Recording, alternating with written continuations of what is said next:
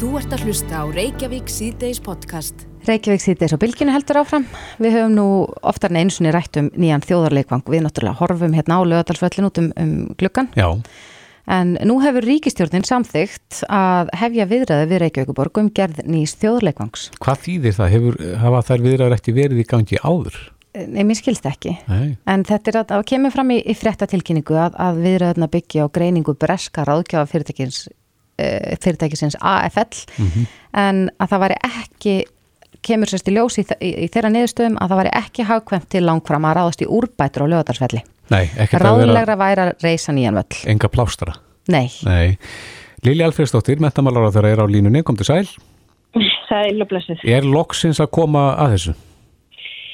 Það sem við, það sem blasir við núna, það eru ákveðin tímamót. Nú erum við komin með e, e, greiningu á því hver er talin hagkvæmasti kosturinn og e, sagt, það er talið að það sé 15.000 manna leikvangur án þakk sé hagkvæmasti kosturinn ef það er hótt svona til beitna fjárhagsleira þátta.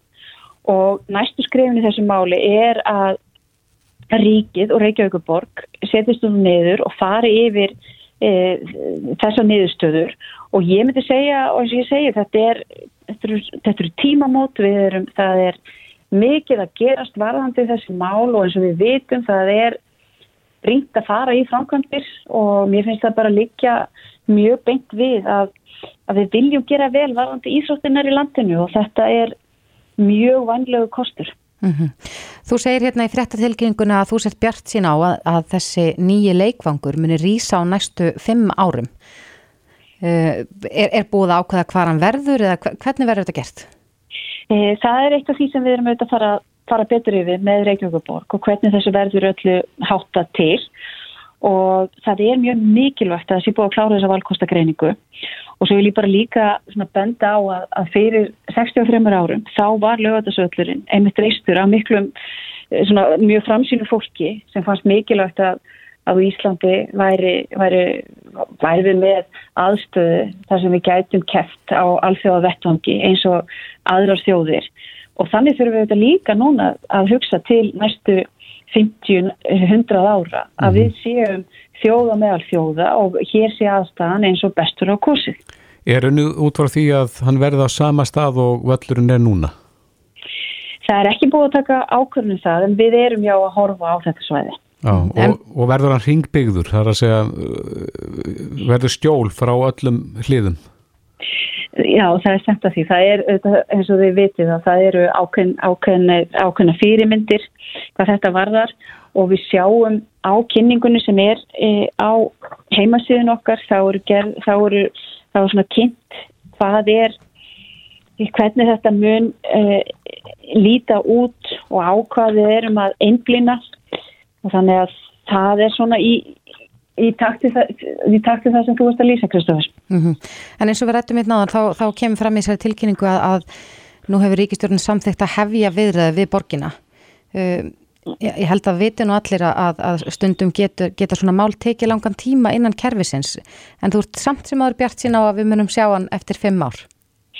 Já, það sem við erum að hefja núna, við erum til dæmis að skoða það hvernig útbá, útbóð og helstu verkþáttum verður háttað, verkefnustjórn, hönnun, bygging, byggingaverktöku og allt þetta sem þarf að gera og eins og hvernig verður eignarhaldi háttað, hvernig er fjármögnunin og hvernig við erum að gera þetta. Og við erum auðvitað, þetta búið að vera undirbúningi í þennan tíma en við erum hins vegar komið með þessa valkostagreiningu, við erum komið með það fyrir framann okkur, hvað er hagkomasti kosturinn, við erum sammálum það og það þurfi að fara í framkvæmdir varðandi framtíðar uppbyggingu á íþróttamannvirkjum á, á Íslandi. Þannig að þetta er allt einhvern veginn að, að smetla saman í okkar huga. Mm En hvað með frálsýþróttina sem að var nú verið þarna á þessu svæði líka? Já, það, það, sem, það sem við erum að gera núna er að við erum, hefum líka tekið ákvörnum það að, og ég kynnti einmitt núna um daginn að við e, erum að setja starfsóp á lakkinar til þess að huga að frjálsum íþróttum líka. Við erum líka búin að klára e, skýslu um inni íþróttir og hún fór sagt, og það geng- gengur líka mjög vel en alltaf þetta að fara saman og við þurfum að huga hagsmennum allra þessara íþróttagreina. Er ekki gert ráð fyrir því í þessum tilöðum sem að þú ert með varandi þetta mála að, að frálsýþróttina verði þarna undir sama þakki? Það er ekki, sagt, það er ekki, það er ekki gett ráð fyrir því eins og ég skilur það samkvæmt þessari tillögu en þetta á eftir að ræða frekar og ég bara gríðarlega áherslu á það að það, það, við erum að huga að hagsmunum allra þessari íþróttagreina. Ég er nú gömul frálsýþróttamanniska þannig að það myndi aldrei kallað mér annað en að, að, að framtíða fyrirkomulega þeirra séu e, í, í, tröstnufarfi. Mm. En eins og Þorti sagði nána að þetta er ekki fyrsta skipti og ekki annars skipti sem við tölum um þetta mál og hvað af hverju núna? Hvaða tímamót? Vegna vegna þess að við nú erum búið að klára valkostagreininguna, við erum komið með það fyrir fram á nokkur að, að faga aðalum hver er hafðkvæmasti kosturinn og þess vegna er þetta tímamót. Það er líka tímamót að við að hefja, hefja þessar um, viðræðar við Reykjavíkuborg um bara undirbúningin á þessum framkvæmdum. Við erum komið með um, hver verður kostnæðurinn, við erum komið með það hvað er hvort það sé betra eða hvort það við erum að fara í endurbætur eða ekki það er metið að það sé betra að reysa nýjan e, þjóðarleikum þannig að þetta er alltaf þetta er allt uh, hvað, hvað getur maður sagt þetta er einhvern veginn alltaf að koma saman og það eru þetta fagnar eftir mm. Hver er verðmiðin? Það er sagt, út frá þessum, þessari sviðsmyndagreiningu og þessum hvað er fjárhanslegu kostnæður og þá er verið að líta á, á, á svo kallan kostsé sem er ánþags og þá er áallega þetta sé framkvæmt upp á 10 miljardar. 10 miljardar. Og þannig verið að tala um 15.000 manna leikvang Já. án þags að það sé sákostur sem er svo leið sem við munum fara. Já. Já, þetta er spennandi. Lilja Alfredsdóttir, menta og menningamálar á þeirra. Kæra þakki fyrir þetta. Takk sem er leiðis. Þú ert að hlusta á Reykjavík C-Days podcast. Eina vísi.is er að finna grein sem að ber þann stuttatitil Allræði. Já, þessi grein hefur vakið mikla aðtilli. Já, og hann er ekkert, likur ekkert á skoðunni sinum, hann uh, Brynjar Níelsson, þingmaður, þar sem hann er að tala um að, og greinin hefst á þessum orðum, í allræði hefur ríkið afstíft af öllum þáttu mannlífs, bæði engalífs og ofinbærslífs, fáið sem takk afstöðu af yfirvegun og stillingu kjósa búa í allræðis ríki Sagan hefur enda sínt að allraði þrýfstekki nema valdhafar beiti hræðslu áráðri og útskúfun og smánum þeirra sem ekki vilja ganga fullkomlega í takt. Já, hann verðist ekki vera allkostasáttur við þar aðgerið sem að, að teknar hafa verið og hafa gilt hér í, í lengri tíma. Mm -hmm. Og Brynjar Níelsson er á línu, kom til sæl. Já, sæl. Já, þú ert ekki sáttur við þetta allraðisvald eins og þú kallar það sem að sóttvarnar yfirvöld hafa fengið. Já, ég veit það nú ekki. Ég, ég er bara ekki vissum að það séu réttu aðgerðinar. Þetta getur verið stundum auðvitað að hafa einhvern alveg sérstakar aðstæður. Mm -hmm.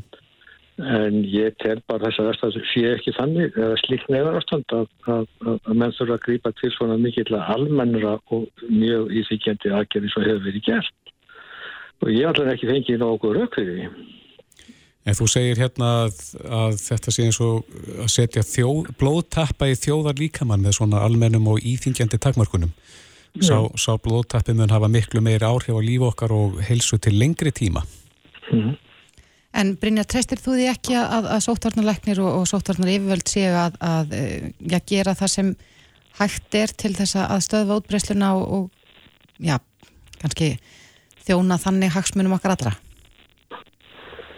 Þeirra þeirra hlutverk er, er, er, er að passa það að veira náðu sér ekki mjög mikið á stryk og, og reyna að halda allir skefin eins og hættur. Það er þeirra hlutverk. Og vernda helbriðistjærfið að spítalanu? Já, já. Svo, svo er þetta aðri hagsmunni líka í þessu máli sem er kannski ekki endilega sem sótvarnar læknir að hugsa um, heldur þetta stjórnmálumenn þurfa að hugsa um. Hvaða aðrað afleðingar hefur það?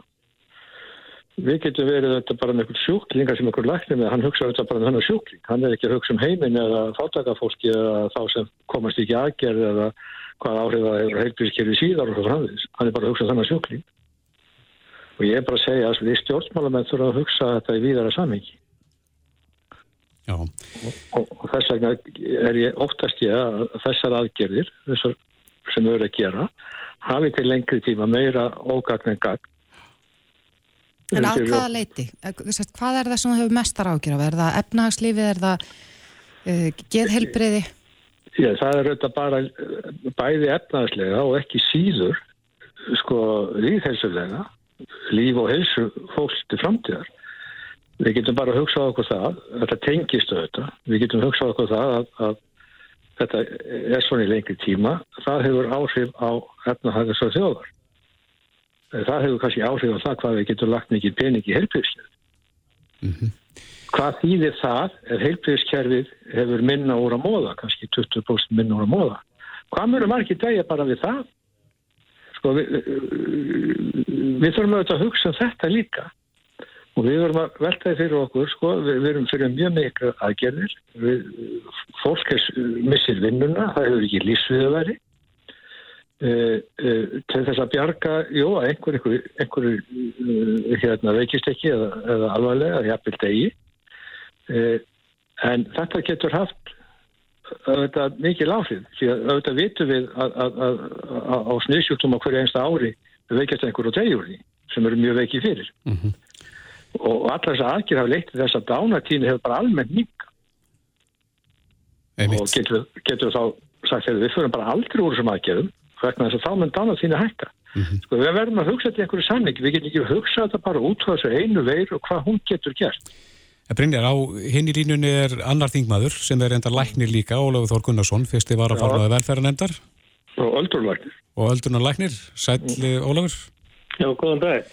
Já, þú, þú heyrir hvert eh, Brynjar er að fara, hvað, hvað segir þú um það? Tekur undir með honum? Ég tek algjörlega undir með Brynjar hvað það varðar að auðvitað verða stjórnvalda alltaf að hlusta um helgar samhengi. Það er eins og þegar þú ert með heilsu á eins og þessa að þá verður fyrsta markmið alltaf að reyna að venda líf og heilsu og ég vil nú meina að, að það hafi verið gert og, og svona í flestu tilliti hefnast vel og við höfum heldur ekki að því brinna nefnir þetta með líðhelsuvá sem að kunni að skapast af því að, að margir missi lífsverðið og, og, og, og vinnuna að þá eh, verður við líka horfa til þess að óheft eh, veira myndi vantala líka valda umtalsverði umtalsverðin líðhelsuvanda til að mynda í því að þúsundi manna í landinu væri þá með eftirkvöst af veirunni, jável þú er ekki veist, neitt sérstaklega hastalega. Og við erum sko að því að Brynna nefni líka þetta sé ekki eins mikið neyðar ástand en honum finnst þetta ekki verið eins mikið neyðar ástand eins og, eins og, uh, eins og stjórnaldili verið að láta. En horfum bara á svona í þessari þrengstu mynd sem við höfum verið að berjast við hérna, hérna á Íslandinu undanfatnar dag og vikur. Að í á uh, ringbröðar sjúkrásinu, þess að þetta er landsbytalarinn ringbröð eru millir 70 og 80 rúm á bráða liðlæningatelt Eh, þegar að vest létum daginn þá voru 78 sjúklingar innilíkjandi á spítarannu vegna COVID. mm -hmm. Og ef menn halda einhverju þessara sjúklingar hafi leiðar vegna þess að þeir þurftu þess ekki með þá held ég að menn ætti aðeins að sko, hugsa það upp á nýtt. En menn hljóta að sjá hversu alvarlegt ástand þetta er enda var spítalinn settur á nýðasti út af þessu. Og þetta er mjög alvarlegt að, að, hérna, að eiga við þetta vandamál og kerfið okkar er að því við erum meðal hans vegna þess að við erum svo lítið land þá er ekki mjög mikið sko, það er ekki mjög mikið svigrum fyrir stórkostleg vandar, vandræði í, í kerfinu og við tökum til að mynda stað eins og, eins og Akureyri þar sem eru þrjú rúm á almeri gjörgest og eitt í einogrun þar fyrir utan.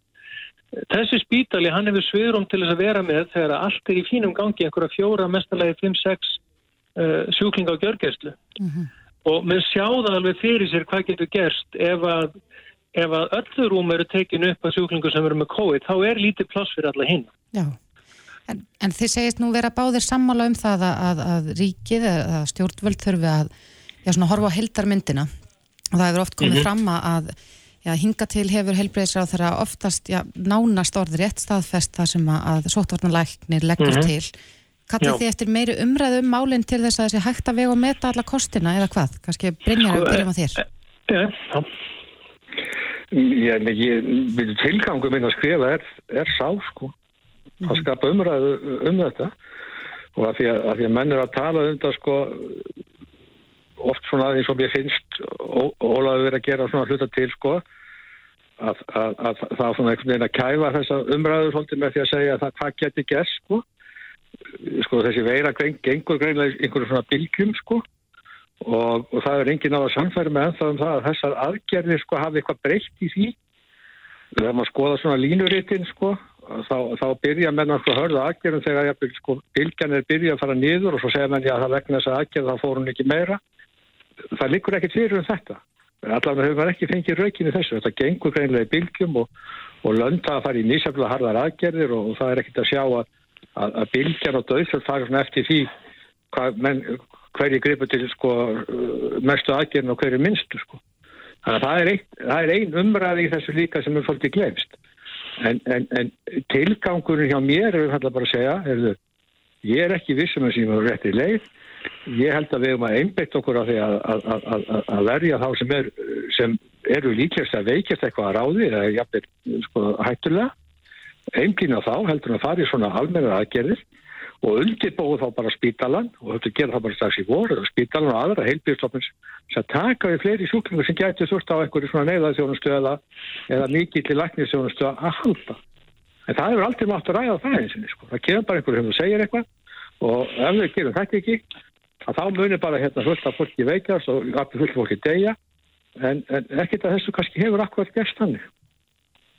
Nei, en Ólafur, erst þú, er þú á þeirri skoðun að það ætti að vera breyðara samstarf og meiri samræður um, um það sem að, að eh, sóttvartanleiknir leggur til? Þetta er alltaf mjög mikilvægt að við leifum opna umröðið samfélaginu og menn ræði af, eh, af yfirvögunum um hvað þeir að gera. Það er engin, engin ákveðningur um það og, og í þinginu hafa á þessum tíma frá því að faraldurum byrjaði verið eina fjóruð eða fimm umræður um, um, uh, um þetta mál. Núna er að fara í hönd endurskoðuna og er þennar þegar byrjuð endurskoðuna sótanalögum og þingi færið þetta verkefni að, að, að fara yfir það og, og það skiptir máli. En varandi það sko að það sé ekki samengi eða ekki mikið samengi á millið sko hvað er gert og, og hverju afleggingarnar eru. Við sjáum það í þeim í, í þeim löndum hérna í kringum okkur sem hafa brúðist við sent og, og, og kannski af með, með annari nálgun heldur en, heldur en við. Afleðingarna geta orðið alveg skjálfilegar og uh, uh, við þurfum ekki nema að líta til, uh, til sumra Norðurlandana til að sjá sagt, hvaða stöðu við hefum getað lent í og jáfnveg þá við lítum til þess að jú, auðvitað mun eitthvað fólk degja og það sé kannski það sé kannski uh, óhjákvæmulega aflið að þá verður við að horfa til þess að á leiðinni þangast þá er mjög margt fólk innilikjandi á bráða og gjörgjastluðinu spítarana og okkar kerfi er bara þannig uh, af, af stærð að það ræður ekkert við mik mikið uh, aukála og ég held að einmitt staðan og undanfalla dagar hefði einmitt sínt það.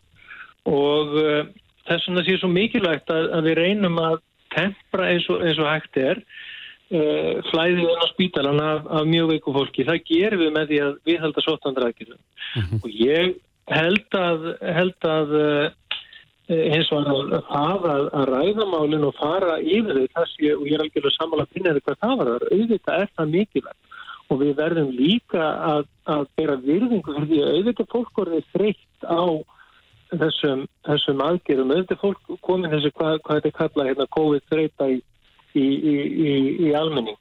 Og menna, það er fullkomlega skiljanlegt en, en, en gleymum ekki við meðum samt ekki missa sjónar á, á þessu markmiði að reyna að venda líf og heilsu og að reyna að hindra það að heilbíðskerfi fari algjörlega á hlýðanar þá gerir það ekkit annað á meðan. Og þá myndum við lenda í því sem að löndininn í kringum okkur hafa verið að lenda í að þar er almenn dánartími, það er að segja ekki COVID-dánartími, heldur almenn dánartími í löndunum inn í kringum okkur er herri enn í meðalári og halda menna það sem fyrir einhverja tilvíði. Já, við verðum að setja punktin hér en kannski rétt í lótin, Brynjar, hefur þið fengið viðbröð við þessari grein í dag? Já, ég heila miklu meiri viðbröð heldur en ég bjóst við. Á hvaða leið? Já, það var bara... Þetta fá skannir eins og þú talar um í þessari grein? Nei, það er bara merkilega, auðvitað fæ ég einhverja skann. annars myndi ég ekki opna munnin ef ég fengi ekki skammi sko, það er að voru með þetta saman. En hérna en það er alveg förðu margir og, og, og, hérna hafa haft sambandið með þess að til þess að hérna röðurlega taka undir þetta. Mikilvægi að mann getur svona rætt þetta. og með þess að menn sem er ekki endilega samvala mér hafa þakkað mig kærlega fyrir það að hafa komið með þessu umræðans aðeins upp á yfirborðið. Já. Verðum að setja punktir hér, herra menn, kæra þætti fyrir þetta, Brynja Níelsson og Ólafur Þór Gunnarsson. Takk, takk. Takk, takk. Hlustaðu hvena sem er á Reykjavík C-Days podcast. En við veltum upp þeirri spurningu hér áðan og maður hefur reyndar notað þetta oft áður og þetta var notað á mann sjálfan. Maður ætti að borða matisinn til að vera stór og sterkur. Já, ég grýp sjálf um stundum að segja þetta við börnum minn þegar ég er að bjóða upp á brokkoli eða eitthvað. Já, akkurat. En það er nú talað um það inn á helsu BBC að, að það kunni nú eitthvað að vera til í þessu. Mm -hmm. Það er hérna verið að tala um rannsókn sem var gerð eða er veru, já, verið að rannsaka sko út um allan heim. Mm -hmm. Tengslina millir þess að vera uh, lágvaksinn og vera með sko lélar matavennjur, mm -hmm. borða ekki hotlan mat. Og, og þannig verið að sína sko það að vera að tala um 19 ára uh, ungmenni og það getur verið alltaf 20 cm munur auðvitað veit maður að sko það er eitthvað sem tengist erðum að, að sumir eru lágvaksna en aðrir, aðrir og svo eru einhverjir, já það er bara þannig fólk er mishávaksið. Já, suma þjóð þetta er mismunandi milli þjóða. Akkurat, en það er spurning hvort að þetta samt geti haft áhrif hvort að börn sé ekki að vaksa nægilega mikið vegna þess að matarvennirnar er ekki kannski upp á tíu. Já Þóraldur Ingi Haldarsson, professoru matvæl og næringafræði til Háskóla Íslands er á línu, kom þú sæl? Sælum og sæl. Þú kíktu nú á, á þessa grein fyrir okkur, hvað, út af hvað gengur þetta? Er þetta merkilega niðurstöður? Já og nei, það sem er merkilegt við þetta er að þetta sínir kannski það félagslega ójabægi eða, eða sem sagt, já, ójabægi og svona misskiptingu sem að fyrirfinnst í heiminum í dag en þá að það getur verið 20 cm munur á, á börnum með að við frá hvaða landið þú koma mm -hmm. uh, næringin skiptir máli en ég hugsa svona í, hjá okkur í dag að þá vissulega eru margir sem borða óholt en það kemur ekki til að kannski endilega hafa svona mikil áhrif á, hæðir Eftir ekki vöxtin Já sko, ef við fáum nóga orgu og, og, og nóga prótinu, kolvetnu og fytu til við erum að vaksa, hvort sem það er úr hotlumatvælum eða ekki, að þá eigum við flesta ná svona þeirri hæð sem að, sem að okkur er ætlað. Mm -hmm. Hins vegar eru, er tekt sko hjá í, í vestræðinu þjófylögum, bæði til rannsóknir frá já, Danmarku, Hollandi, Bandaríkjónum og víðar sem að til og með mjölkuneisla er mjög almenn. Að börn sem að drekka mikla mjölk að þau eru 1-2 cm á meðaltali herri heldur en þeir sem að drekka ekki mjölk í, í, þjóðfélögum sem eru þá mjög vel nær. Þannig að það eru ákveðin matvali og ákveðin tíma sem að virðast geta haft áhrif á vöxt. Mm -hmm. Jábel þó fólk sé vel nært eins og er mununum sem er verið að taka þarna alltaf 20 cm eða börn á Indlandi sem sko næring þetta er, er tiltöla kannski ekkit flókið en vissulega sko oflítil vannæring hefur áhrif á vöxt en vannæring hefur líka áhrif á ónæmiskerfið og kannski mikilvægast þátturinn sennilega á þessum svæðum fyrir það börn ná ekki réttri hæð eða þeirri hæð sem að þeim kannski genetist gætun á þeirru þá síkingar og, og veikindi sem að, virki, sem að hamla virkilega vexti, pólkur og annað mm -hmm. og hugsanlega einhvers konar trælkun eða ómikil vinna og líkamlegt ála í bland. Þannig að það eru þeir tættir sem að skipta tölverumál og þetta var ástand sem við sáum líka bara hérna fram á að kannast allir við að fara inn í gamlan bóndabæi og þurfa að beigja sig og þarna hæð, hæð okkar hefur vaks, sem sagt, þetta hefði börn frá 1950 til 2000 á Íslandi hafa hækkað 10-12 cm neðartæli og það er ágætið skóla gott til um það. Já, en það er nú samt verið að benda og þetta er það, sko, frá, frá BBC og þetta er brest en, en það er verið að sína fram að það sko, að 19 ára drengir hafi lækkað á milli ára að, að, að strákar séu lægri en á meðan að til dæmis eins og í, í Kína og Suður Kóru séu börn að hækka? Já, það bendur þá til þess að aðstöður varandi næringu og, og, og, og helsugæslu í Kína hafi farið bakkandi og þar sé í raun og veru þessi, þessi sagt, þjóðina meðaltali að rýsa úr því ástandi að vera kannski að hluta til vannar eða aðstæður ekki eins askilega eins og hægt væri fyrir að ná uh, þeim vexti sem að menn geta mögulega náð voru saman við þá önnu lönd þar sem að hlutina hafa kannski farið á verði veg. Já. Eh, Það er kannski bara sem ágætist dæmi að það er, það er mjög merkileg gögn til. Það var, það var þarna frá 1929 voru allir krakkar í Reykjavík hæðar og þingdamældir og það var gert langt framann af öldin og það eru til góða tölur til með sérna innanlands um, um hæðarþróun og hún tekur kipp eftir setni heimstyrjöld en, en og við sko, ég skoða þetta einhvern veginn með, með nema hérna fyrir nokkur árum og þá var til dæmis fyrir, eða svona í kringum 1930 þá voru til og með börn í miðbæðarskóla 3-5 cm hærri en börn í östubæðarskóla einfallega út af því að börn sem að sóttu miðbæðarskólan voru að, bet, að svona á heimilum sem að stóðu efnaðslega betur þannig að svona munur eins og að vera að draga fram þarna í greininni hann hefur sést hér fyrir á veldinni í raun og veru. En gætu við séð í þeim tölum að því að það nú vel haldið utan með þessar tölur hér að nú er talað um það að, að fæða þjóðarinnar hafi vestnað með komið skyndibita og slíks Gætu við séð það í, í þessum tölum?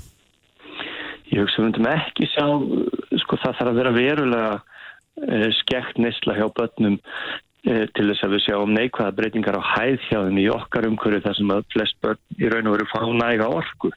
Og að sem liti nú af prótinu það er þá meira þetta skyndibiti og, og það er ruslfæði sem hefur þá áhrif á, á, á, sagt, á hérna sagt á, á þingdaraukningu sem að þá, já, stærðina, já, Já. Og, það sé, og það höfum við séð greinilega síðastliðin 30 ár, klárlega.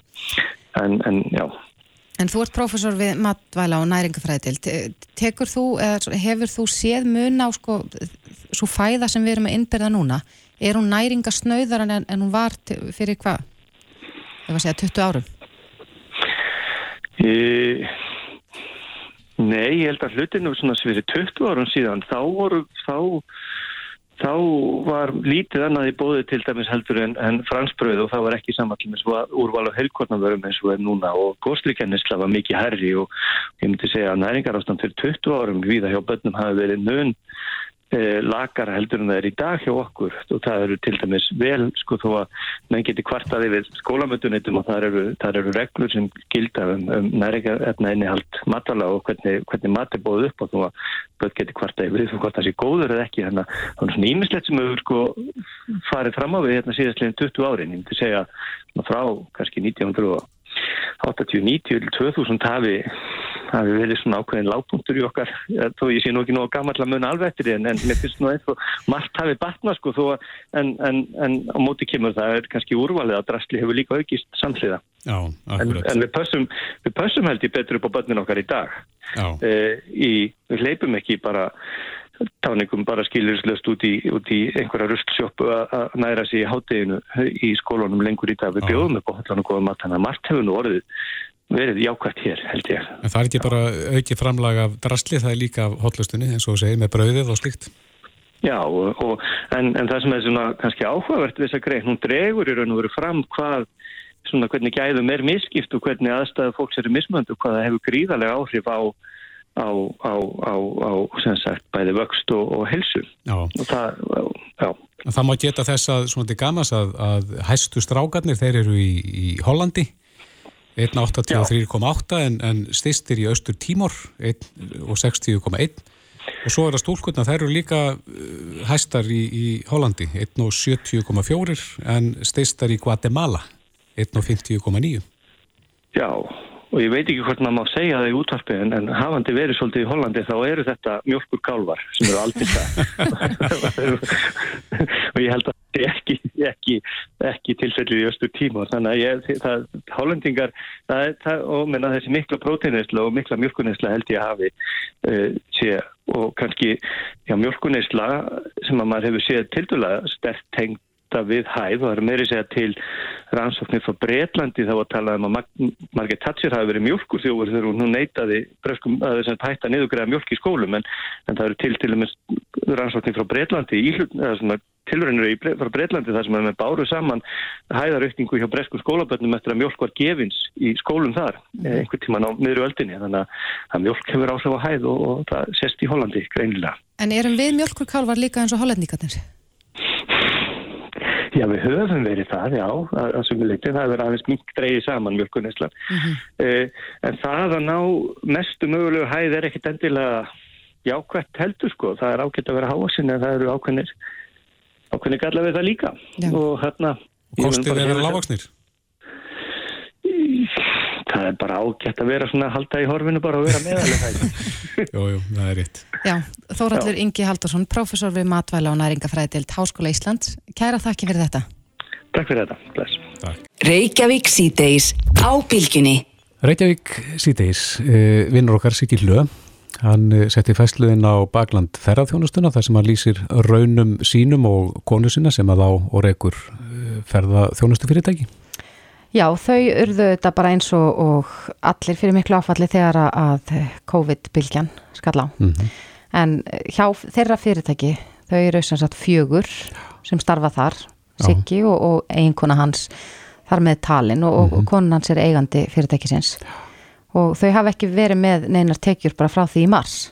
Einmitt. Uh, Þau í raun og veru sá engar annarkost í stöðunni heldur en að, að, segja upp starfsfólkinu og sjálfum sér Mm í umleið. En síðan kemur í ljós að þau ætluðu semst að nýta sér það á, vegna þess að ríkistjórnin hefur verið að bjóða upp á að greiða 85% launakostnaðar launþega á uppsagnarfresti tilbaka. Já, Þau ætla að nýta sér það. einmitt. En þau fá það svar frá skattinum að uh, það stendur ekki til bóða vegna þess að, konanans er eigandin Mm og þetta stendur ekki til bóða fyrir eiganda nýja maka. Nei, mér stilst að það hefur verið búin að nýta sér þetta, eh, þetta úræði, en, en eru krafin um endurgreðslu núna. Já, háar uh, fjárhæðir. Já, og uh, það er eflust mörg fyrirtæki sem að svona er ástatt með. Mm Mhm. ofta tíðum eru þessi ferðarþjónustu fyrirtæki, sérstaklega út á landsbyðinni, fjölskyldu fyrirtæki, Akkurat. það sem að, það sem að eigandin vinnur og jafnir all fjölskyldan. Já, en það virðist sko vera uh, nokkuð mikill svona rugglingur í kringum þetta. Þetta hafa ekki endilega leiðið ljóst fyrir og samkvæmt þeim svörum sem að, að, Siggi og hans kona fengu frá skattinum er þetta er, svolítið tyrfið. Mm Akkurat, en það er vísað hann í lög, er það ekki síðan 1987? Jú, og 2003 og þannig að þetta er ekki alveg fyrir kannski hvert sem er að skilja auðveldlega. Nei. Jóhannes Þór Skúlason er frangvandastjóri samtaka ferðarþjónustuna, kom til sæl. Komið sæl Já, það eru vantilega margir af þínu félagsmönnum sem að eru þarna eh, undir í þessu.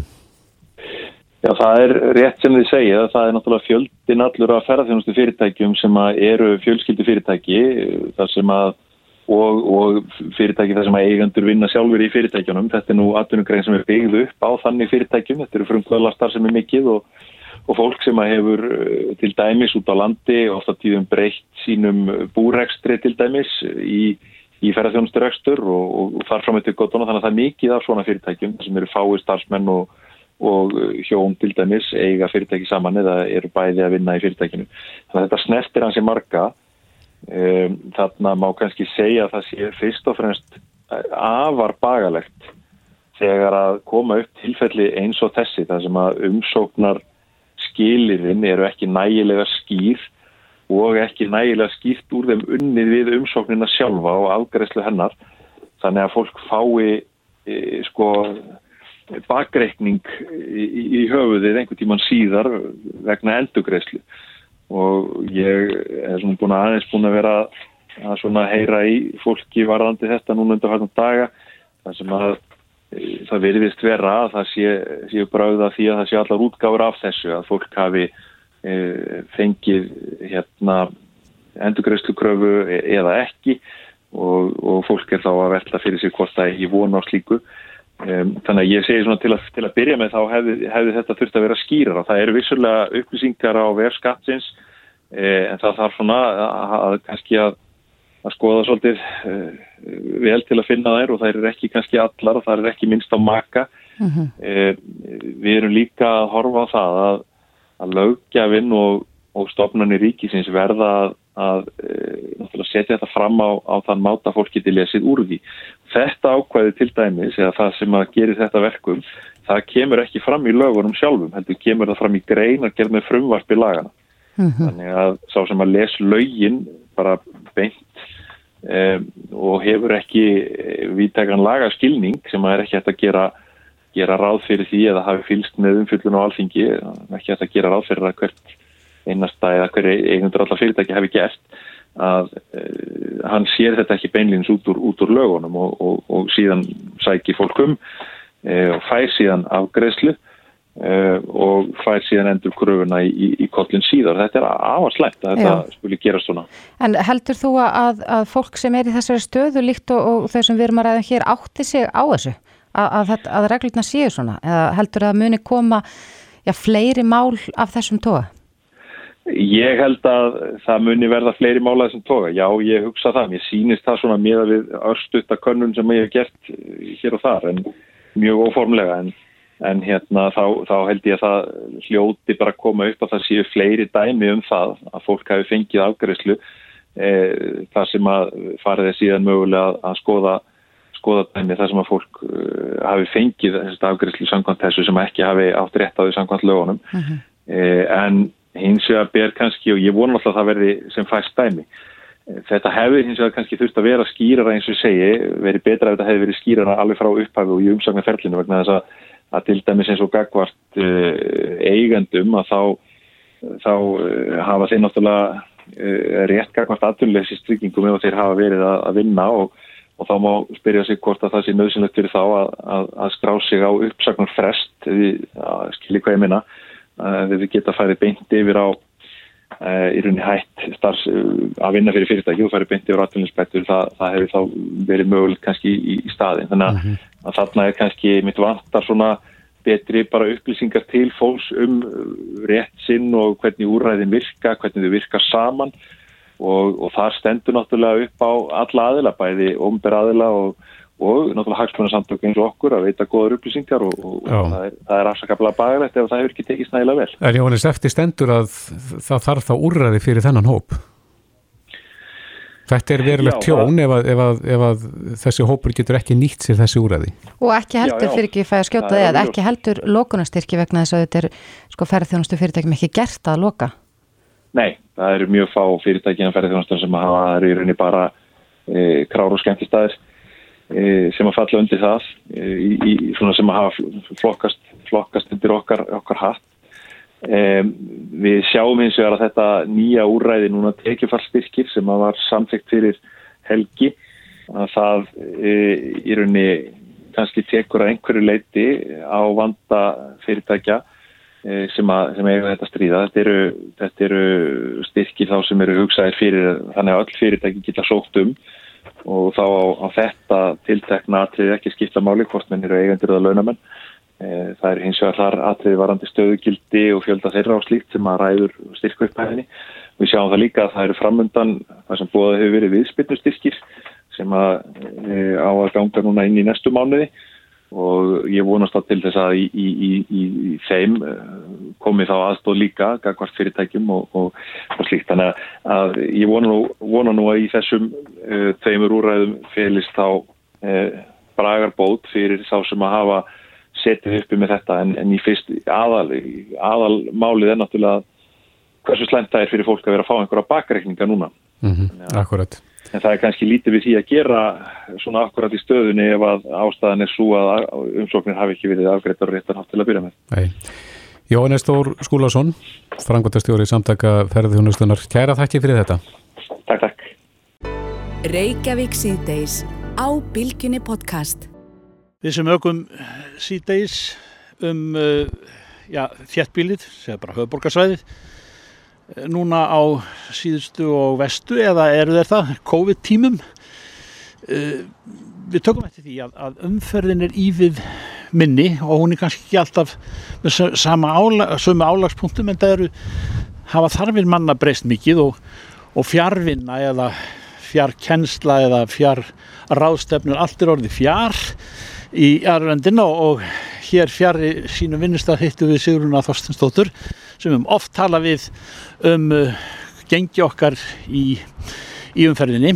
Hún er uh, forvarnarfulltrúi með meiri á ís og, og maður spyr því Sigrun, hvað hvað hérna sjást sést það í tölum yfir tjón þegar umferð er snögtum minni?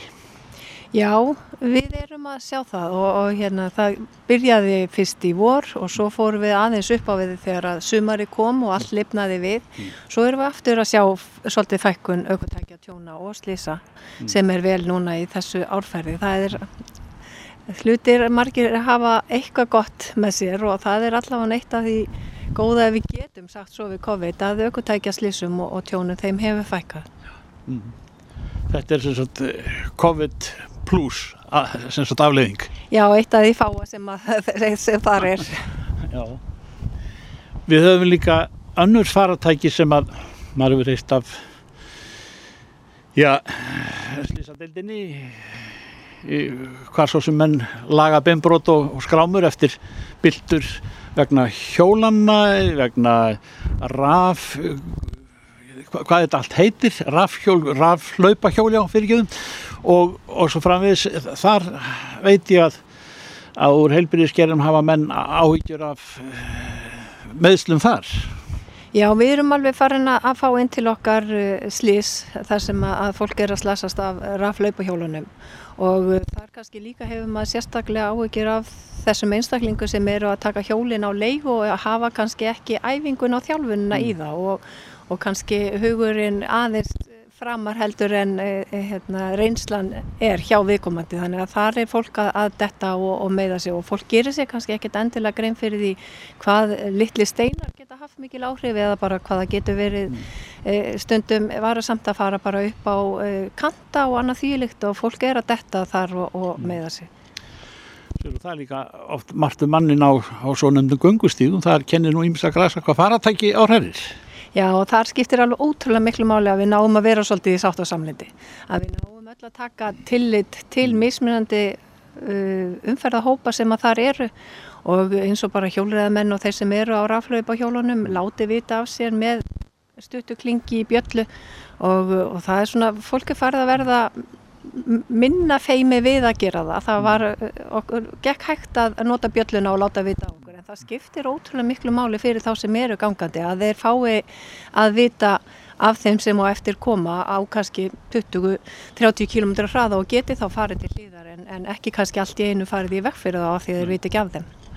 En uh, þeir sem eru hjólandi, hvort sem það eru bara vennilega reyðhjólum eða vélhjólum eða raf... Uh, Eh, ég get aldrei munið þetta raf laupahjólum eh, eru þeir inn í tryggingakerfinu?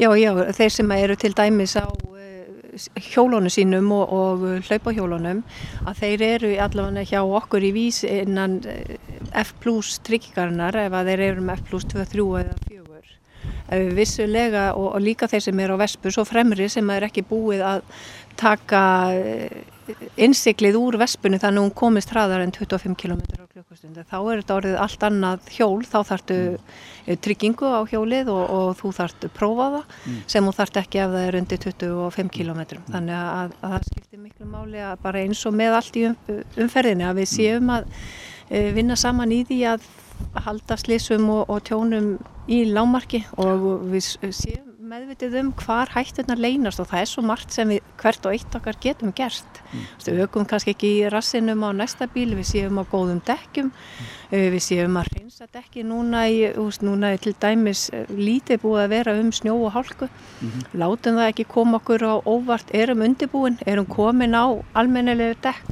og, og, hérna, og erum meðvitið um og, og hafa nægt bíl yfir í næsta bíl og svolítið svona aukum þessum góð akstri sem við viljum svo gjarnan að fólk noti.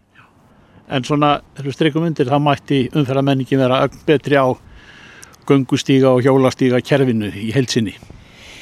Já, við getum alltaf gert betur þar og það hefur náttúrulega alveg ótrúlega mikið gerst í bætingu á stígum fyrir hjólhjöfafólk en það má alltaf gera betur og, og maður vil náttúrulega bara sjá það að hjólandi og gangandi þurfa ekki að vera á sömu stígum eins og það er sumstaðar en, en hérna þetta er alltaf komið að kemur hægt og rólega en hérna við, þetta hefur batnað tölverð mikið setni ár og, og það skildir bara svolítið mikið að við séum þar í, í sátt og samlendi og losnum svolítið við hennar núning sem að verðist einhvern veginn vera svolítið þarna á milli þessar og hópa Séruna Þorstensdóttir, kærar þakki fyrir þetta en, en það er gott til þess að vita að þú sér það á tjónatölum að hjá Ísað að hérna að það hefur dreyið já, úr óhöpum og, og slissum og, og, og þar með tjónatölur lækkað.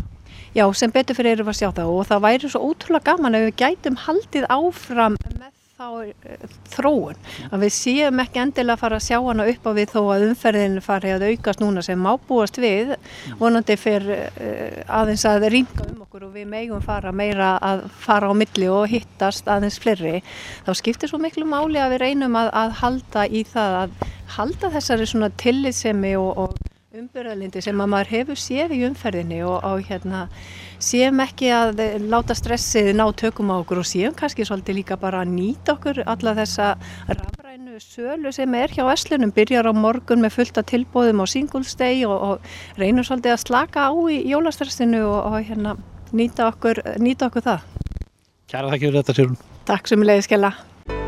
Reykjavík síðdeis á Bilginni podcast. Reykjavík síðdeis, það eru COVID-tímar, það verður ekki farað frá mjög nokkru manni. Nei, nei. En það er ekki langt síðan að Víðir Reynisson sagði við okkur hér í, í þessum þætti að, að það er ekki farið að skoða að slaka á þessum aðgjörum fyrir en að landsbytjarna væri komin af neyðast í. Mm -hmm.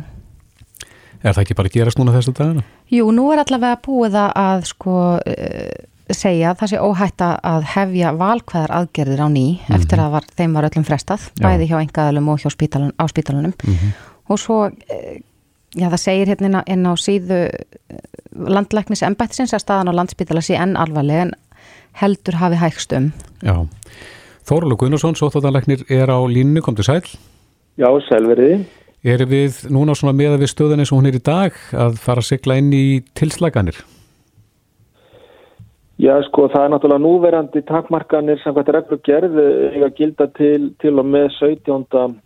öllu stað, þannig að það þarf að, þarf að koma, að koma ný reglugerð sko, frá þeim tíma og, og ég held að við þurfum bara að skoða, bara, þurfum bara að skoða það í ljósi þróunarina sem hefur verið núna í gangi með farabyrjun og ég held að við getum alltaf verið, þetta hefur allt svona þok, þokast niður á við og, og hérna Þannig við getum bara verið ánað að þessa samheilu aðgjörur okkar hafa, hafa, hafa skil árangri en, en eins og ég hef oft sagt að þá þurfum við að fara mjög hægt í þessar tilslaganir núna, sérstaklega núna e, því að veiran er ennþá út í samfélaginu þannig við fáum, við fáum ekki sko bara faraldurinn aftur í baki. Mm -hmm. Í gær greindust 11 með kórnuvöruna hér innanlands og þar, þar að voru sex í sótkví sem þýðist þó að, að 45% þeirra sem greindist voru utan sótkvér. Mm. Eh, hefur áhyggjur af því að það sé ennþá að, að greinast smitt svona í samfélaginu? Já, það, svo tala hefur nú svona verið að þokast niður þó að það sé alltaf svona svolítið dagamunum og breyting en, en við vitum það að, að veiran er ekki, hún er út í samfélaginu, er, þó hún hafi farið svona halloka núna undanfærið aðeins, þá er hún þetta ennþá og, og hérna og hún getur smegt sér inn í, inn í hópa og hópa myndanir bara á þess að nokkuð veti og þá fá, getur við fengið svona hópa uh, smitt, hópsmitt aftur í gang eins og, mm -hmm. eins og við höfum verið að sjá, henni að það er það sem maður svona þarf að hafa, hafa gætur á. Er það rétt eins og við skiljum úr fréttum að þú viljir setja á skildu fyrir tvöfaldri skimun við, við landamæri og afnema þessa, þessa tvær vikur í sótkví? Já, ég hef sko ráðlagt eða komið til úr en það að það sé skoðað útfæsla á því og, og ein útfæslan væri skilda og önnur væri eins og, eins og hérna, fórsetið frá þeirra viðraði í fréttunum í gær hvort að sko, hérna, afnema greiðslu skilduna fyrir sínatökur og geti hjálpa til í því þannig það er ímsar, ímsar möguleikar í því en ég held að við þurfum að gera eitthvað til þess að til þess að, að, að, að hérna, reyna að minka því að fólk var að velja þess að 14 dagar sótkví og, og, og, og kannski sumum tilfellum uh, hérna, ætli sér ekki standa við hana þó að séu auðvitað ekki þannig í öllum tilfellum. Nei, hafa mörg uh, já, hafi margir smitaðar einstaklingar náða að fara í gegnum landamærin og ekki farið í sótkvína sem að þau átt að fara í? Uh, nei, það er, ekki, það er ekki margir þannig sem við veitum um. Það, við erum með nokkra sem, hafa, sem við veitum um sem hafa greinst í sóttkví svo, svo erum við með smít sem að má rekja til landamæra sem við veitum ekki nákvæmlega hvernig hefur komist inn og hvort að það hefur gerst í sóttkví eða einhvern annan máta veitum við náttúrulega ekki, ekki nema fólk fari í sína, sínatöku. Þannig að það er ekki, það er ekki vorið mikill leki á veiru í gegnum landamærinu svo staðan er núna. En eru væri hægt að slaka verulega á þessum höftum hér innanlands ef að þetta er því raunin, ef að þetta er bara skilda að reyna að grýpa sem flest við landamærin þegar að, að ástandi er orðið gott hér innanlands? Ég held að, að, að það sé nokkuð ljóst að við höfum verið með nokkuð, við höfum verið með mjög góðar aðgerðir á landamæruna þar sem við höfum verið með svo tvöföldu skimun og, mm -hmm. og sem hefur komið í veg fyrir það hafa greint uh, rúmlega 300 einstaklingar á landamæruna með smitt frá því að það var byrjað og, og það hefur ekki uh, farið mikið smitt inn í landið, við sjáum það með með þessari ræðgreiningu sem hefur í gangi þannig að þessi hópsíking og þessi farandur sem hefur verið eiga við núna er að völdum einn stopps af veirunni þannig að, þannig að það hefur ekki verið að leka inn í landi þannig að það hefur virkað, virkað mjög vel. Þannig að það er eiginlega fórsenda fyrir því að, að, að við getum farið að slaka á að ráði að að við fáum ekki mikið, ekki mikið af nýri veiru alltaf stöðugt inn í landi Nei. það held ég að þetta er nokkuð auðljóst En það er komin þreita í mannskapin við, við vitum þá og það er hlipin þreita í, í Þingmenn eh, meðal annars. Eh, hann Brynjar Níelsson skrifar grein sem að byrtist inn á vísi.is það sem hann eh, segir meðal annars, ég ætla aðeins að vitna hérna í þessa greinans, eftir því sem framlýður er ég sannfærðari að náður að við og flest önnur ríki höfum ekki bröðist rétt við í baráttunum við veiruna. Þessi veir er ekki slíkt neyðar ástand sem að réttlæti að setja blóðtappa í þjóðalíkamann með svona almennum og íþingjandi takmörkunum. Sá blóðtappi mun hafa miklu meiri áhrif á líf okkar og helsu til lengri tíma. Hvað segir um þessu orð? Já, þetta er náttúrulega bara hans skoðun og hann er alveg sjálfs að því að hafa þá skoðun en það er kannski svolítið sérkennlegt að, að segja að maður hafi rétt fyrir sér en allir aðri rangt fyrir sér. Það það hljómar svolítið undarlega en, en þetta er bara hans skoðun og, og, og, og þetta fer alls ekki saman við þá skoðun sem ég hef og ég held að sé 90% af öðrum þjóðum hafa og þeir sem er að stýra sínum málum hafa ekki, er ekki á þessari skoðun. Nei. Nú eru liðnir, já, rúmið tíu dagar síðan að þessar uh, nýju reglur tóku gildi hér innanlands. Er þetta að, að, að þokast í þá átt og í rétt átt eins og þú áttir vona með þessum nýju reglum? Já, ég held að þetta, þessar reglur og þetta sameinlega áttak okkar allra í landinu hefur skila árangri mm -hmm. og uh, við vorum náttúrulega með svona þessa einstaklisbundnu og lögðum mjög miklu áherslu um alltaf gert að lögðum áherslu á þessa einstaklisbundnu uh, sótvarnir og síkingavarnir þar sem við höfðum til einstaklingum að passa sér og, og, og gera þessum tilþurfti. Það gekk ekki alveg nógu vel, ég menna við vorum að fá vöxt í faradurinn og línulegan vöxt og svo var, virtist hann vera að fara upp í veldisvöxt þegar það var uh, gripið til þessara aðgerða innanlands Já. sem að hafa nú skilað þeim árangri að, að við erum að, að, hérna, að beigja kurvuna niður og, og þessi er svo kallar R-stuður sem við erum alltaf að tala um hann er komin uh, niður undir 0,5 eða niður, svona 0,2-0,5 eitthvað svo liðs og það segir okkar að faraldur er þá að dvína. Já. Ertu byrjar að já, huga að því hvað þú mynd setja í minnisblad til helbreyðsadra? Já, ég er alltaf að hugsa um það uh, allan daga. Getur þú sagt okkur eitthvað? Nei, ekki. það mátti reyna? Já, mátti reyna.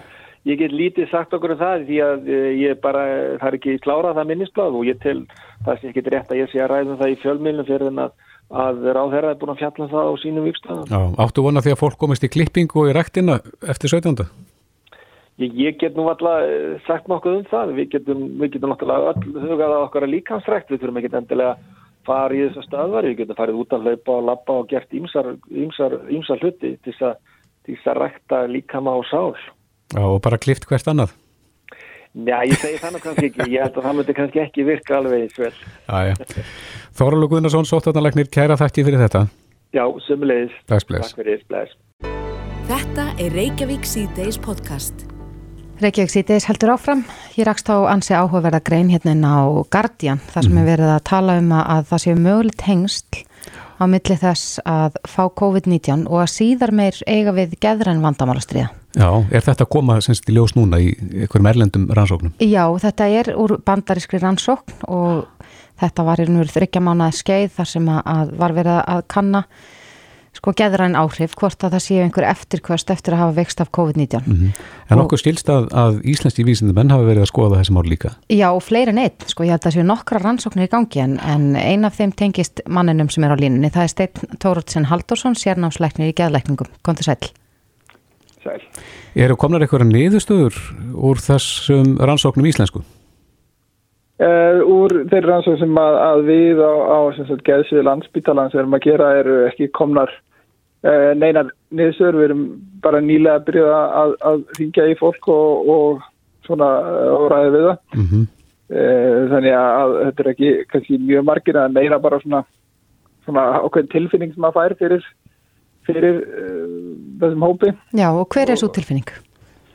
Svo tilfinning er, er kannski aðalega svo að, að þetta fólk sem er að í megin uh, hluta uh, ungt og hraust fólk sem að almennt var ekki mjög veikt af COVID er að klíma við mikið langarandi uh, langarandi íminnskona einkenni af, af sagt, eftir COVID smittið núna 8 mánuðum eftir að, að þetta fólk veikt eða tvekk veruna í sig Já, já, er eitthvað stýringar á því sem að svona, eitthvað kenningar um það? Um, það eru kannski, það eru ímsar leiðir sem að sem sagt, uh, COVID-veiran getur haft eina óbeina áhrif á miðtöðakerfið og einn þeirra er, er uh, að, að síki miðtöðakerfið uh, beint. Og möguleg leið fyrir veiruna inn í miðtöðakerfið er í gegnum sagt, uh, þeftögina eða, eða það sem að líktaskin er í nefnu og það sem er til dæmis sláandi í þessu í þessum hópi sem að, að ég verið að ræða við er að eiginlega allir hafa alveg mist þessu sliktaskinni mm -hmm. og, og það kemur ekki aftur. Jú, það er svona það getur tekið margir eru ennþá með, með skert sliktaskinn um, en aðrir eru, eru sagt, með ennþá eða sem þetta voru kannski með skert sliktaskinn eða alveg farið sliktaskinn í marga mánuð og svo kom það tilbaka Mm -hmm. en, en þetta er svona einn ein, ein, ein, ein fræðilega möguleg leið að, að veiran farið hann í gegnum líktatögina og, og, og upp í miðtöðakerfi og önnur leið er að, ónæmi svarið sem að verður vegna veirunar valdi, uh, valdi áhrifum á, á miðtöðakerfi og getur þá valdi þunglindi eða, eða öðrum svona geraðan mengina. Já, já. Þannig að, að þetta er þá, þá leiðin þarf þá að skoða þennan hóp sérstaklega þá sem að missa líktastíni því að nú hefur þetta verið talin vera svona þetta eru svona eiginlega helstu enginni sem að maður hefur heyrt svona samlefnari þeirra sem hafa smittast að COVID uh, Já, þetta er mjög algengt enginni og mun meira meiri, meiri skerðing á líktastíni heldur en í í venjulegu kvefi eða sem við sjáum í öðrum veirusýkingum eins og influensu en, en hins vegar er, er þetta alls ekki uh, sko algilt að, að ég er ekki inn með nákvæmtölu ég held að kannski að, að helmingur eða, eða svo sé að, að missa líktaskinni almennt mm -hmm. en í þessum þó þetta sé ekki orðin mjög stór hópi sem ég tala við hing, hinga til að þá er það mjög ábyrrandi hvað eiginlega allir uh, lýsa algjöri skerðingu á lyktaskinni. En er einhver samnefnari af, af einhverjum öðrum sálrænum áhrifum eða geðrænum sem að, að, að já, þú sérði að fær tilfinningu fyrir að, að gæta orði vandamál? Það er al, mjög algengt að hana og mjög mikilvægt að þetta komi fram og ég er náttúrulega að taka aftur fram að þetta, eru, þetta er kannski aðalega byggt á, á minni tilfinningu af þessum þessum nokkrum tugu viðtala sem ég, ég hef tekið að frekar heldur en að ég sem er hörð gögn fyrir þessu mm -hmm. en um, það eru margir að, að klíma við mikla andlega þreytu sem að er ekki þannig að þeir kannski er að koma sér að verki hafa lítið þrek bara í að sem er að genið sinni snúið aftur til vinnu að þeir bara uh, höndla ekki verkefni sem að hafa uh, þólað áður og kannski uh, sem að er ekki endilega ekki endilega tengt einhverju svona einhverju líkamleiri þreyt eða líkamleiri mæð þetta er, þetta er virðist ekki sérstaklega vera tengt í og, og eins og ég sagði á þann að þetta er fólk sem að varða ekkit langt flest var ekki mjög veikt af COVID uppnumlega. Akkurat. Nú hefur umræðan aðeins verið á þann veg sko að, að ungt fólk uh, sem fær þessa veiru það veikist oftast ekki jafn mikið á þeir sem eldri eru en, en ætti maður að, að setja já, þann vara á að mögulega eftirkost þrátt fyrir maður veikist ekki mjög mikið að þau verði samt uh, erfið að glíma við? Um, ef, að, ef ég ætti að tala bara út frá þessu sem að, að þessu sem að ég, þeim fólki sem að ég tala við þá get ég sagt fyrir sjálfa mig að ég er uh, óttast meira að fá COVID en ég gerði áður. Um, ég ætla eins og ekki að fara að, að fullir að neitt um, um, um hvort að það sé uh, hættulegra fyrir ung fólk að, að, að hvort sé meira eftirkust svo ungu fólki eða, eða ekki en, en ég ætla að sé allavega að segja að þeir sem að það að jafna að deyja ekki úr COVID eða, eða er ekki, þar, það er með ekki sagt að þú fáir engin eftirkvæmst eða þar með er ekki sagt að COVID hafi verið saglust mm -hmm. og ég held að þetta sé alveg mikilvæg punktur að, komi fram í umræðinu núna þegar að um, ákveðnir aðilar í, í samfélaginu kannski tala svolítið óabyrt um að, að við, þetta sé náttúrulega flabræði að, að allar þessar öll þessi sótvarnar aðgerir að það er mikilvægt að þetta komi fram þetta snýst ekki bara um, um dánatíðum þetta snýst um, um, um margt annað en það Já En uh, með þessa vittnestu þarf að segja að þetta getur hugsanlega smitast í gegnum uh, liktartaugina og, og komist þá leið. Hvernig er það meðhandlað? Uh, þarf að meðhandla slíkt þá með livjum eða er samtalsmeðferð málið eða hvernig meðhandla með þetta? Nú, ég raun og verið að, að við sem ég best veit og þá er, er það ekki vita og það er, það er ekki, ekki til nefn sérhæf COVID meðferð, COVID þunglindis meðferð eða eitthvað þannig að, að uh, maður gæti maður gæti svona uh, lefðir að geta til að, að samtalsmeðferð eða þunglindis lifið meðferð ef að, þau enginn er til staðan að það COVID þunglind sem kemur eftir COVID ætti að, ætti að svara því líka einhver leiti mm. um, en það er ekki til að mér vitandi en sérhæð meðferð sem að, að, að við COVID við enginn sem kom eftir COVID Nei, ég hef nú reykjað aðeins augun í það að þegar það er oft kannski talað um spænsku veikina svona í tengslum við COVID en, en það var náttúrulega faraldur sem gesaði fyrir 100 árum síðan um, og margir þeirra sem fengur spænsku veikina töluðu akkurat um sko þunglindi um, eiga erfitt með einbeitingu uh, og, og fleira í þeim dúr eftir að hafa sigrast á verunni veistu hvort Já. að það hafi eitthvað verið rannsakað uh, eftir þetta? E, nú bara þú er ég ekki að, ekki að, að fullera með það, eh, jú ég ætla ekki að ekki að tala hérna af mér í, í mál sem ég hef ekki næga þekkinga á en, en ég en það er náttúrulega bara þekkt eftir ímsar veirisynningar að þær geta haft bein og óbein áhrif á viðtöðkerfið og, og þar af leiðandi uh, geta, geta valdið ána, geta er valdið alls konar enginn og hún hlaði líka eins og akureyra veikin sem að fólk klímdi við, við langarandi afleðingar af veirusíkingu og það er svona fjöldamörg slík dæmi og, og, og það er það er bæði þess að veiran sjálf sem maður getur mm -hmm. allir, allir skada á miðtöðkernu og svo ónæmi svar sem að hefur nárið betur og betur skilið undan, undanförnum áratugum að getur hatt mikil áhrif og, og, og, og til dæmis að nú vitum við að MS-sjúkdómur er, er líklega vegna ónæmi svars og það er ímislegt sem að, að ónæmiskerfi getur ónæmiskerfi okkar sem að vendar okkur getur líka valdið, valdið skada. Já, akkurat. Þetta er aðtegli verðt eh, Steinn Tórótsen Haldursson, sérnámsleiknir í dælækningum. Kæra þakki fyrir þetta. Já, bara mín og rána enn. Takk kærlega. Þetta er Reykjavík C-Days podcast. Nú leikur ljóst fyrir eh, hver vann kostningarnar í bandaríkjunum? Já, er það samt ekki þannig að það er ekki búið að tellja öll atkvæðan þannig en, en það er allavega yfirlýstur sigurveri þó að það sé ekki hægt að segja hann af unnið. Nei, skilst þetta að sé þannig? Kemur kannski ljóð setna en, en það er Biden, eh, Joe Biden og, og hérna hún Harris, Kamala, Kamala Harris, Harris. fráfarandi fósiti að öllum líkindum, eða öllum líkum er hérna Donald Trump en uh, Gunnlaugur Guðmusson, stjórnu speitingur, gúru í þessum fræðum og hefur verið í gegnum ára tíuna, hann er búin að teikna upp stjórnukort þessa fólks. Sæl Gunnlaugur. Komið í sæl. Já, þú er búin að, að kortleitja þetta fólk sem er að taka Já. við fórustu í hennu frjálsa heimi. Já, bætin er hérna sportriki. Já.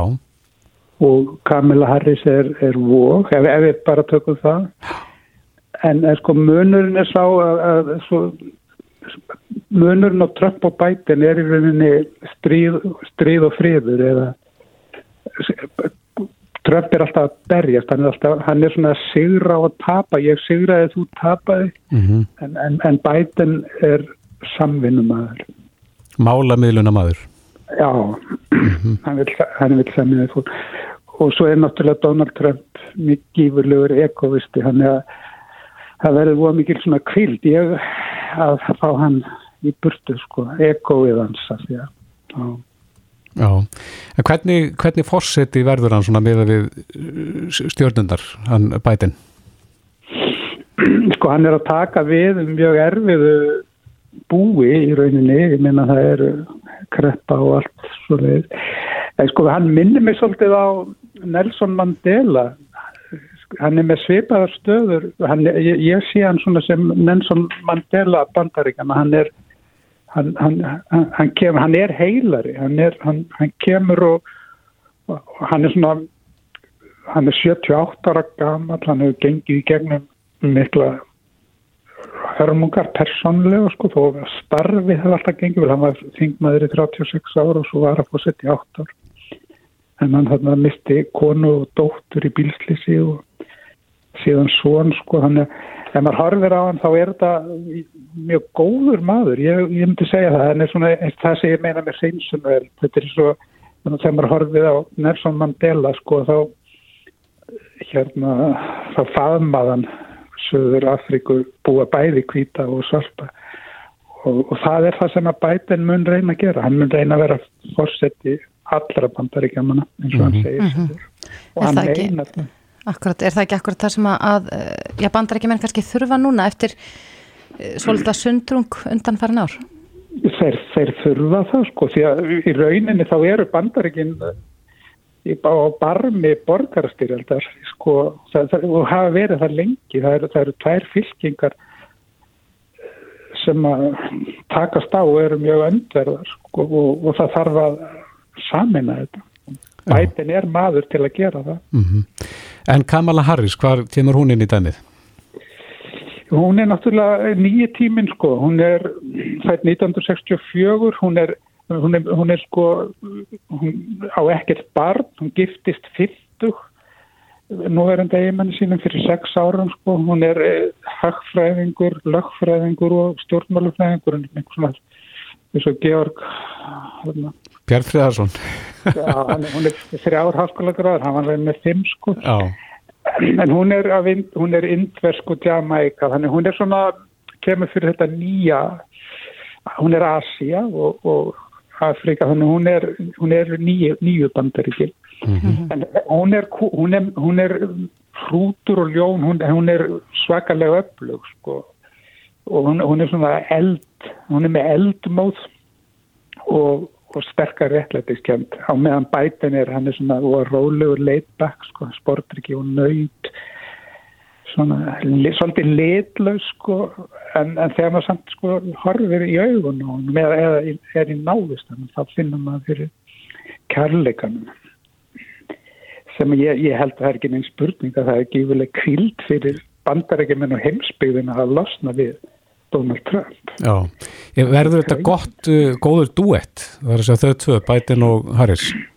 Já, ég, ég held það, þau veru, þau veru mjög, sko Biden er einstakur, hann er, hann, hann vinnur með öllum í rauninni. Og hann er mjög segur, sko, hann er tungli nöyti eins og, eins og Bill Clinton, þetta er svona endalust í afnaðargeð, sko, Þannig að já, ég held að við vinnum mjög vel saman sko, það er ekki spurning. En sko ef fólk er að hafa áhyggjur af því hvað Tónald Trump gerir og Tónald Trump, hann er volið mikið svona hot air, hann er í rauninni loftbylgur.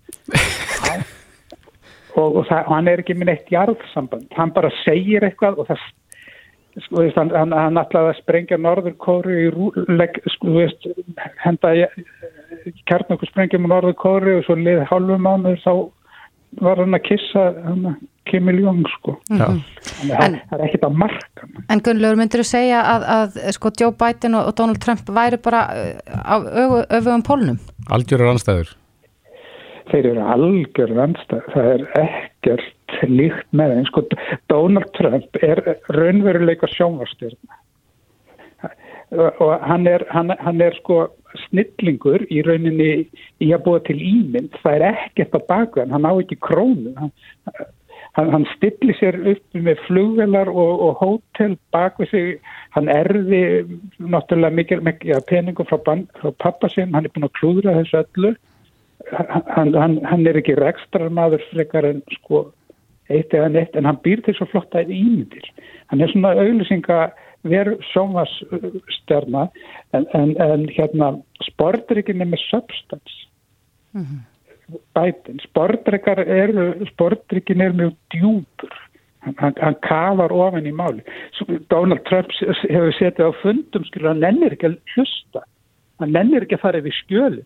Þeir, þeir, þeir senda hann bara út á að halda sko kostningafundi að því hann nefn ekki að setja á, á, á skrifstofinni og vinna. Hann, hann fylgist ekki með og veit ekki, hann les ekki bækur. Ég held að hann sé ekki læg, sko. Þetta er engin smá dómur en hérna verður við að setja punktinn. Eh, kæra þætti fyrir þetta. Mér heyrist að, að svona meða við stjórnukortin að þá sé bara góður tími í vendum Já, já, þetta er mjög gott fyrir bandaríkinu og bráðum auðsilegt þetta er flott fólk, Biden og Kamala Harris. Já, Gunnlegu Guðmundsson, stjórnarspeitningur gaman að heyri þér, kæra þætti fyrir spjallið. Þakk ykkur sem leiðis Bless, bless. Bless. Reykjavík síðdeis á Bilginni podcast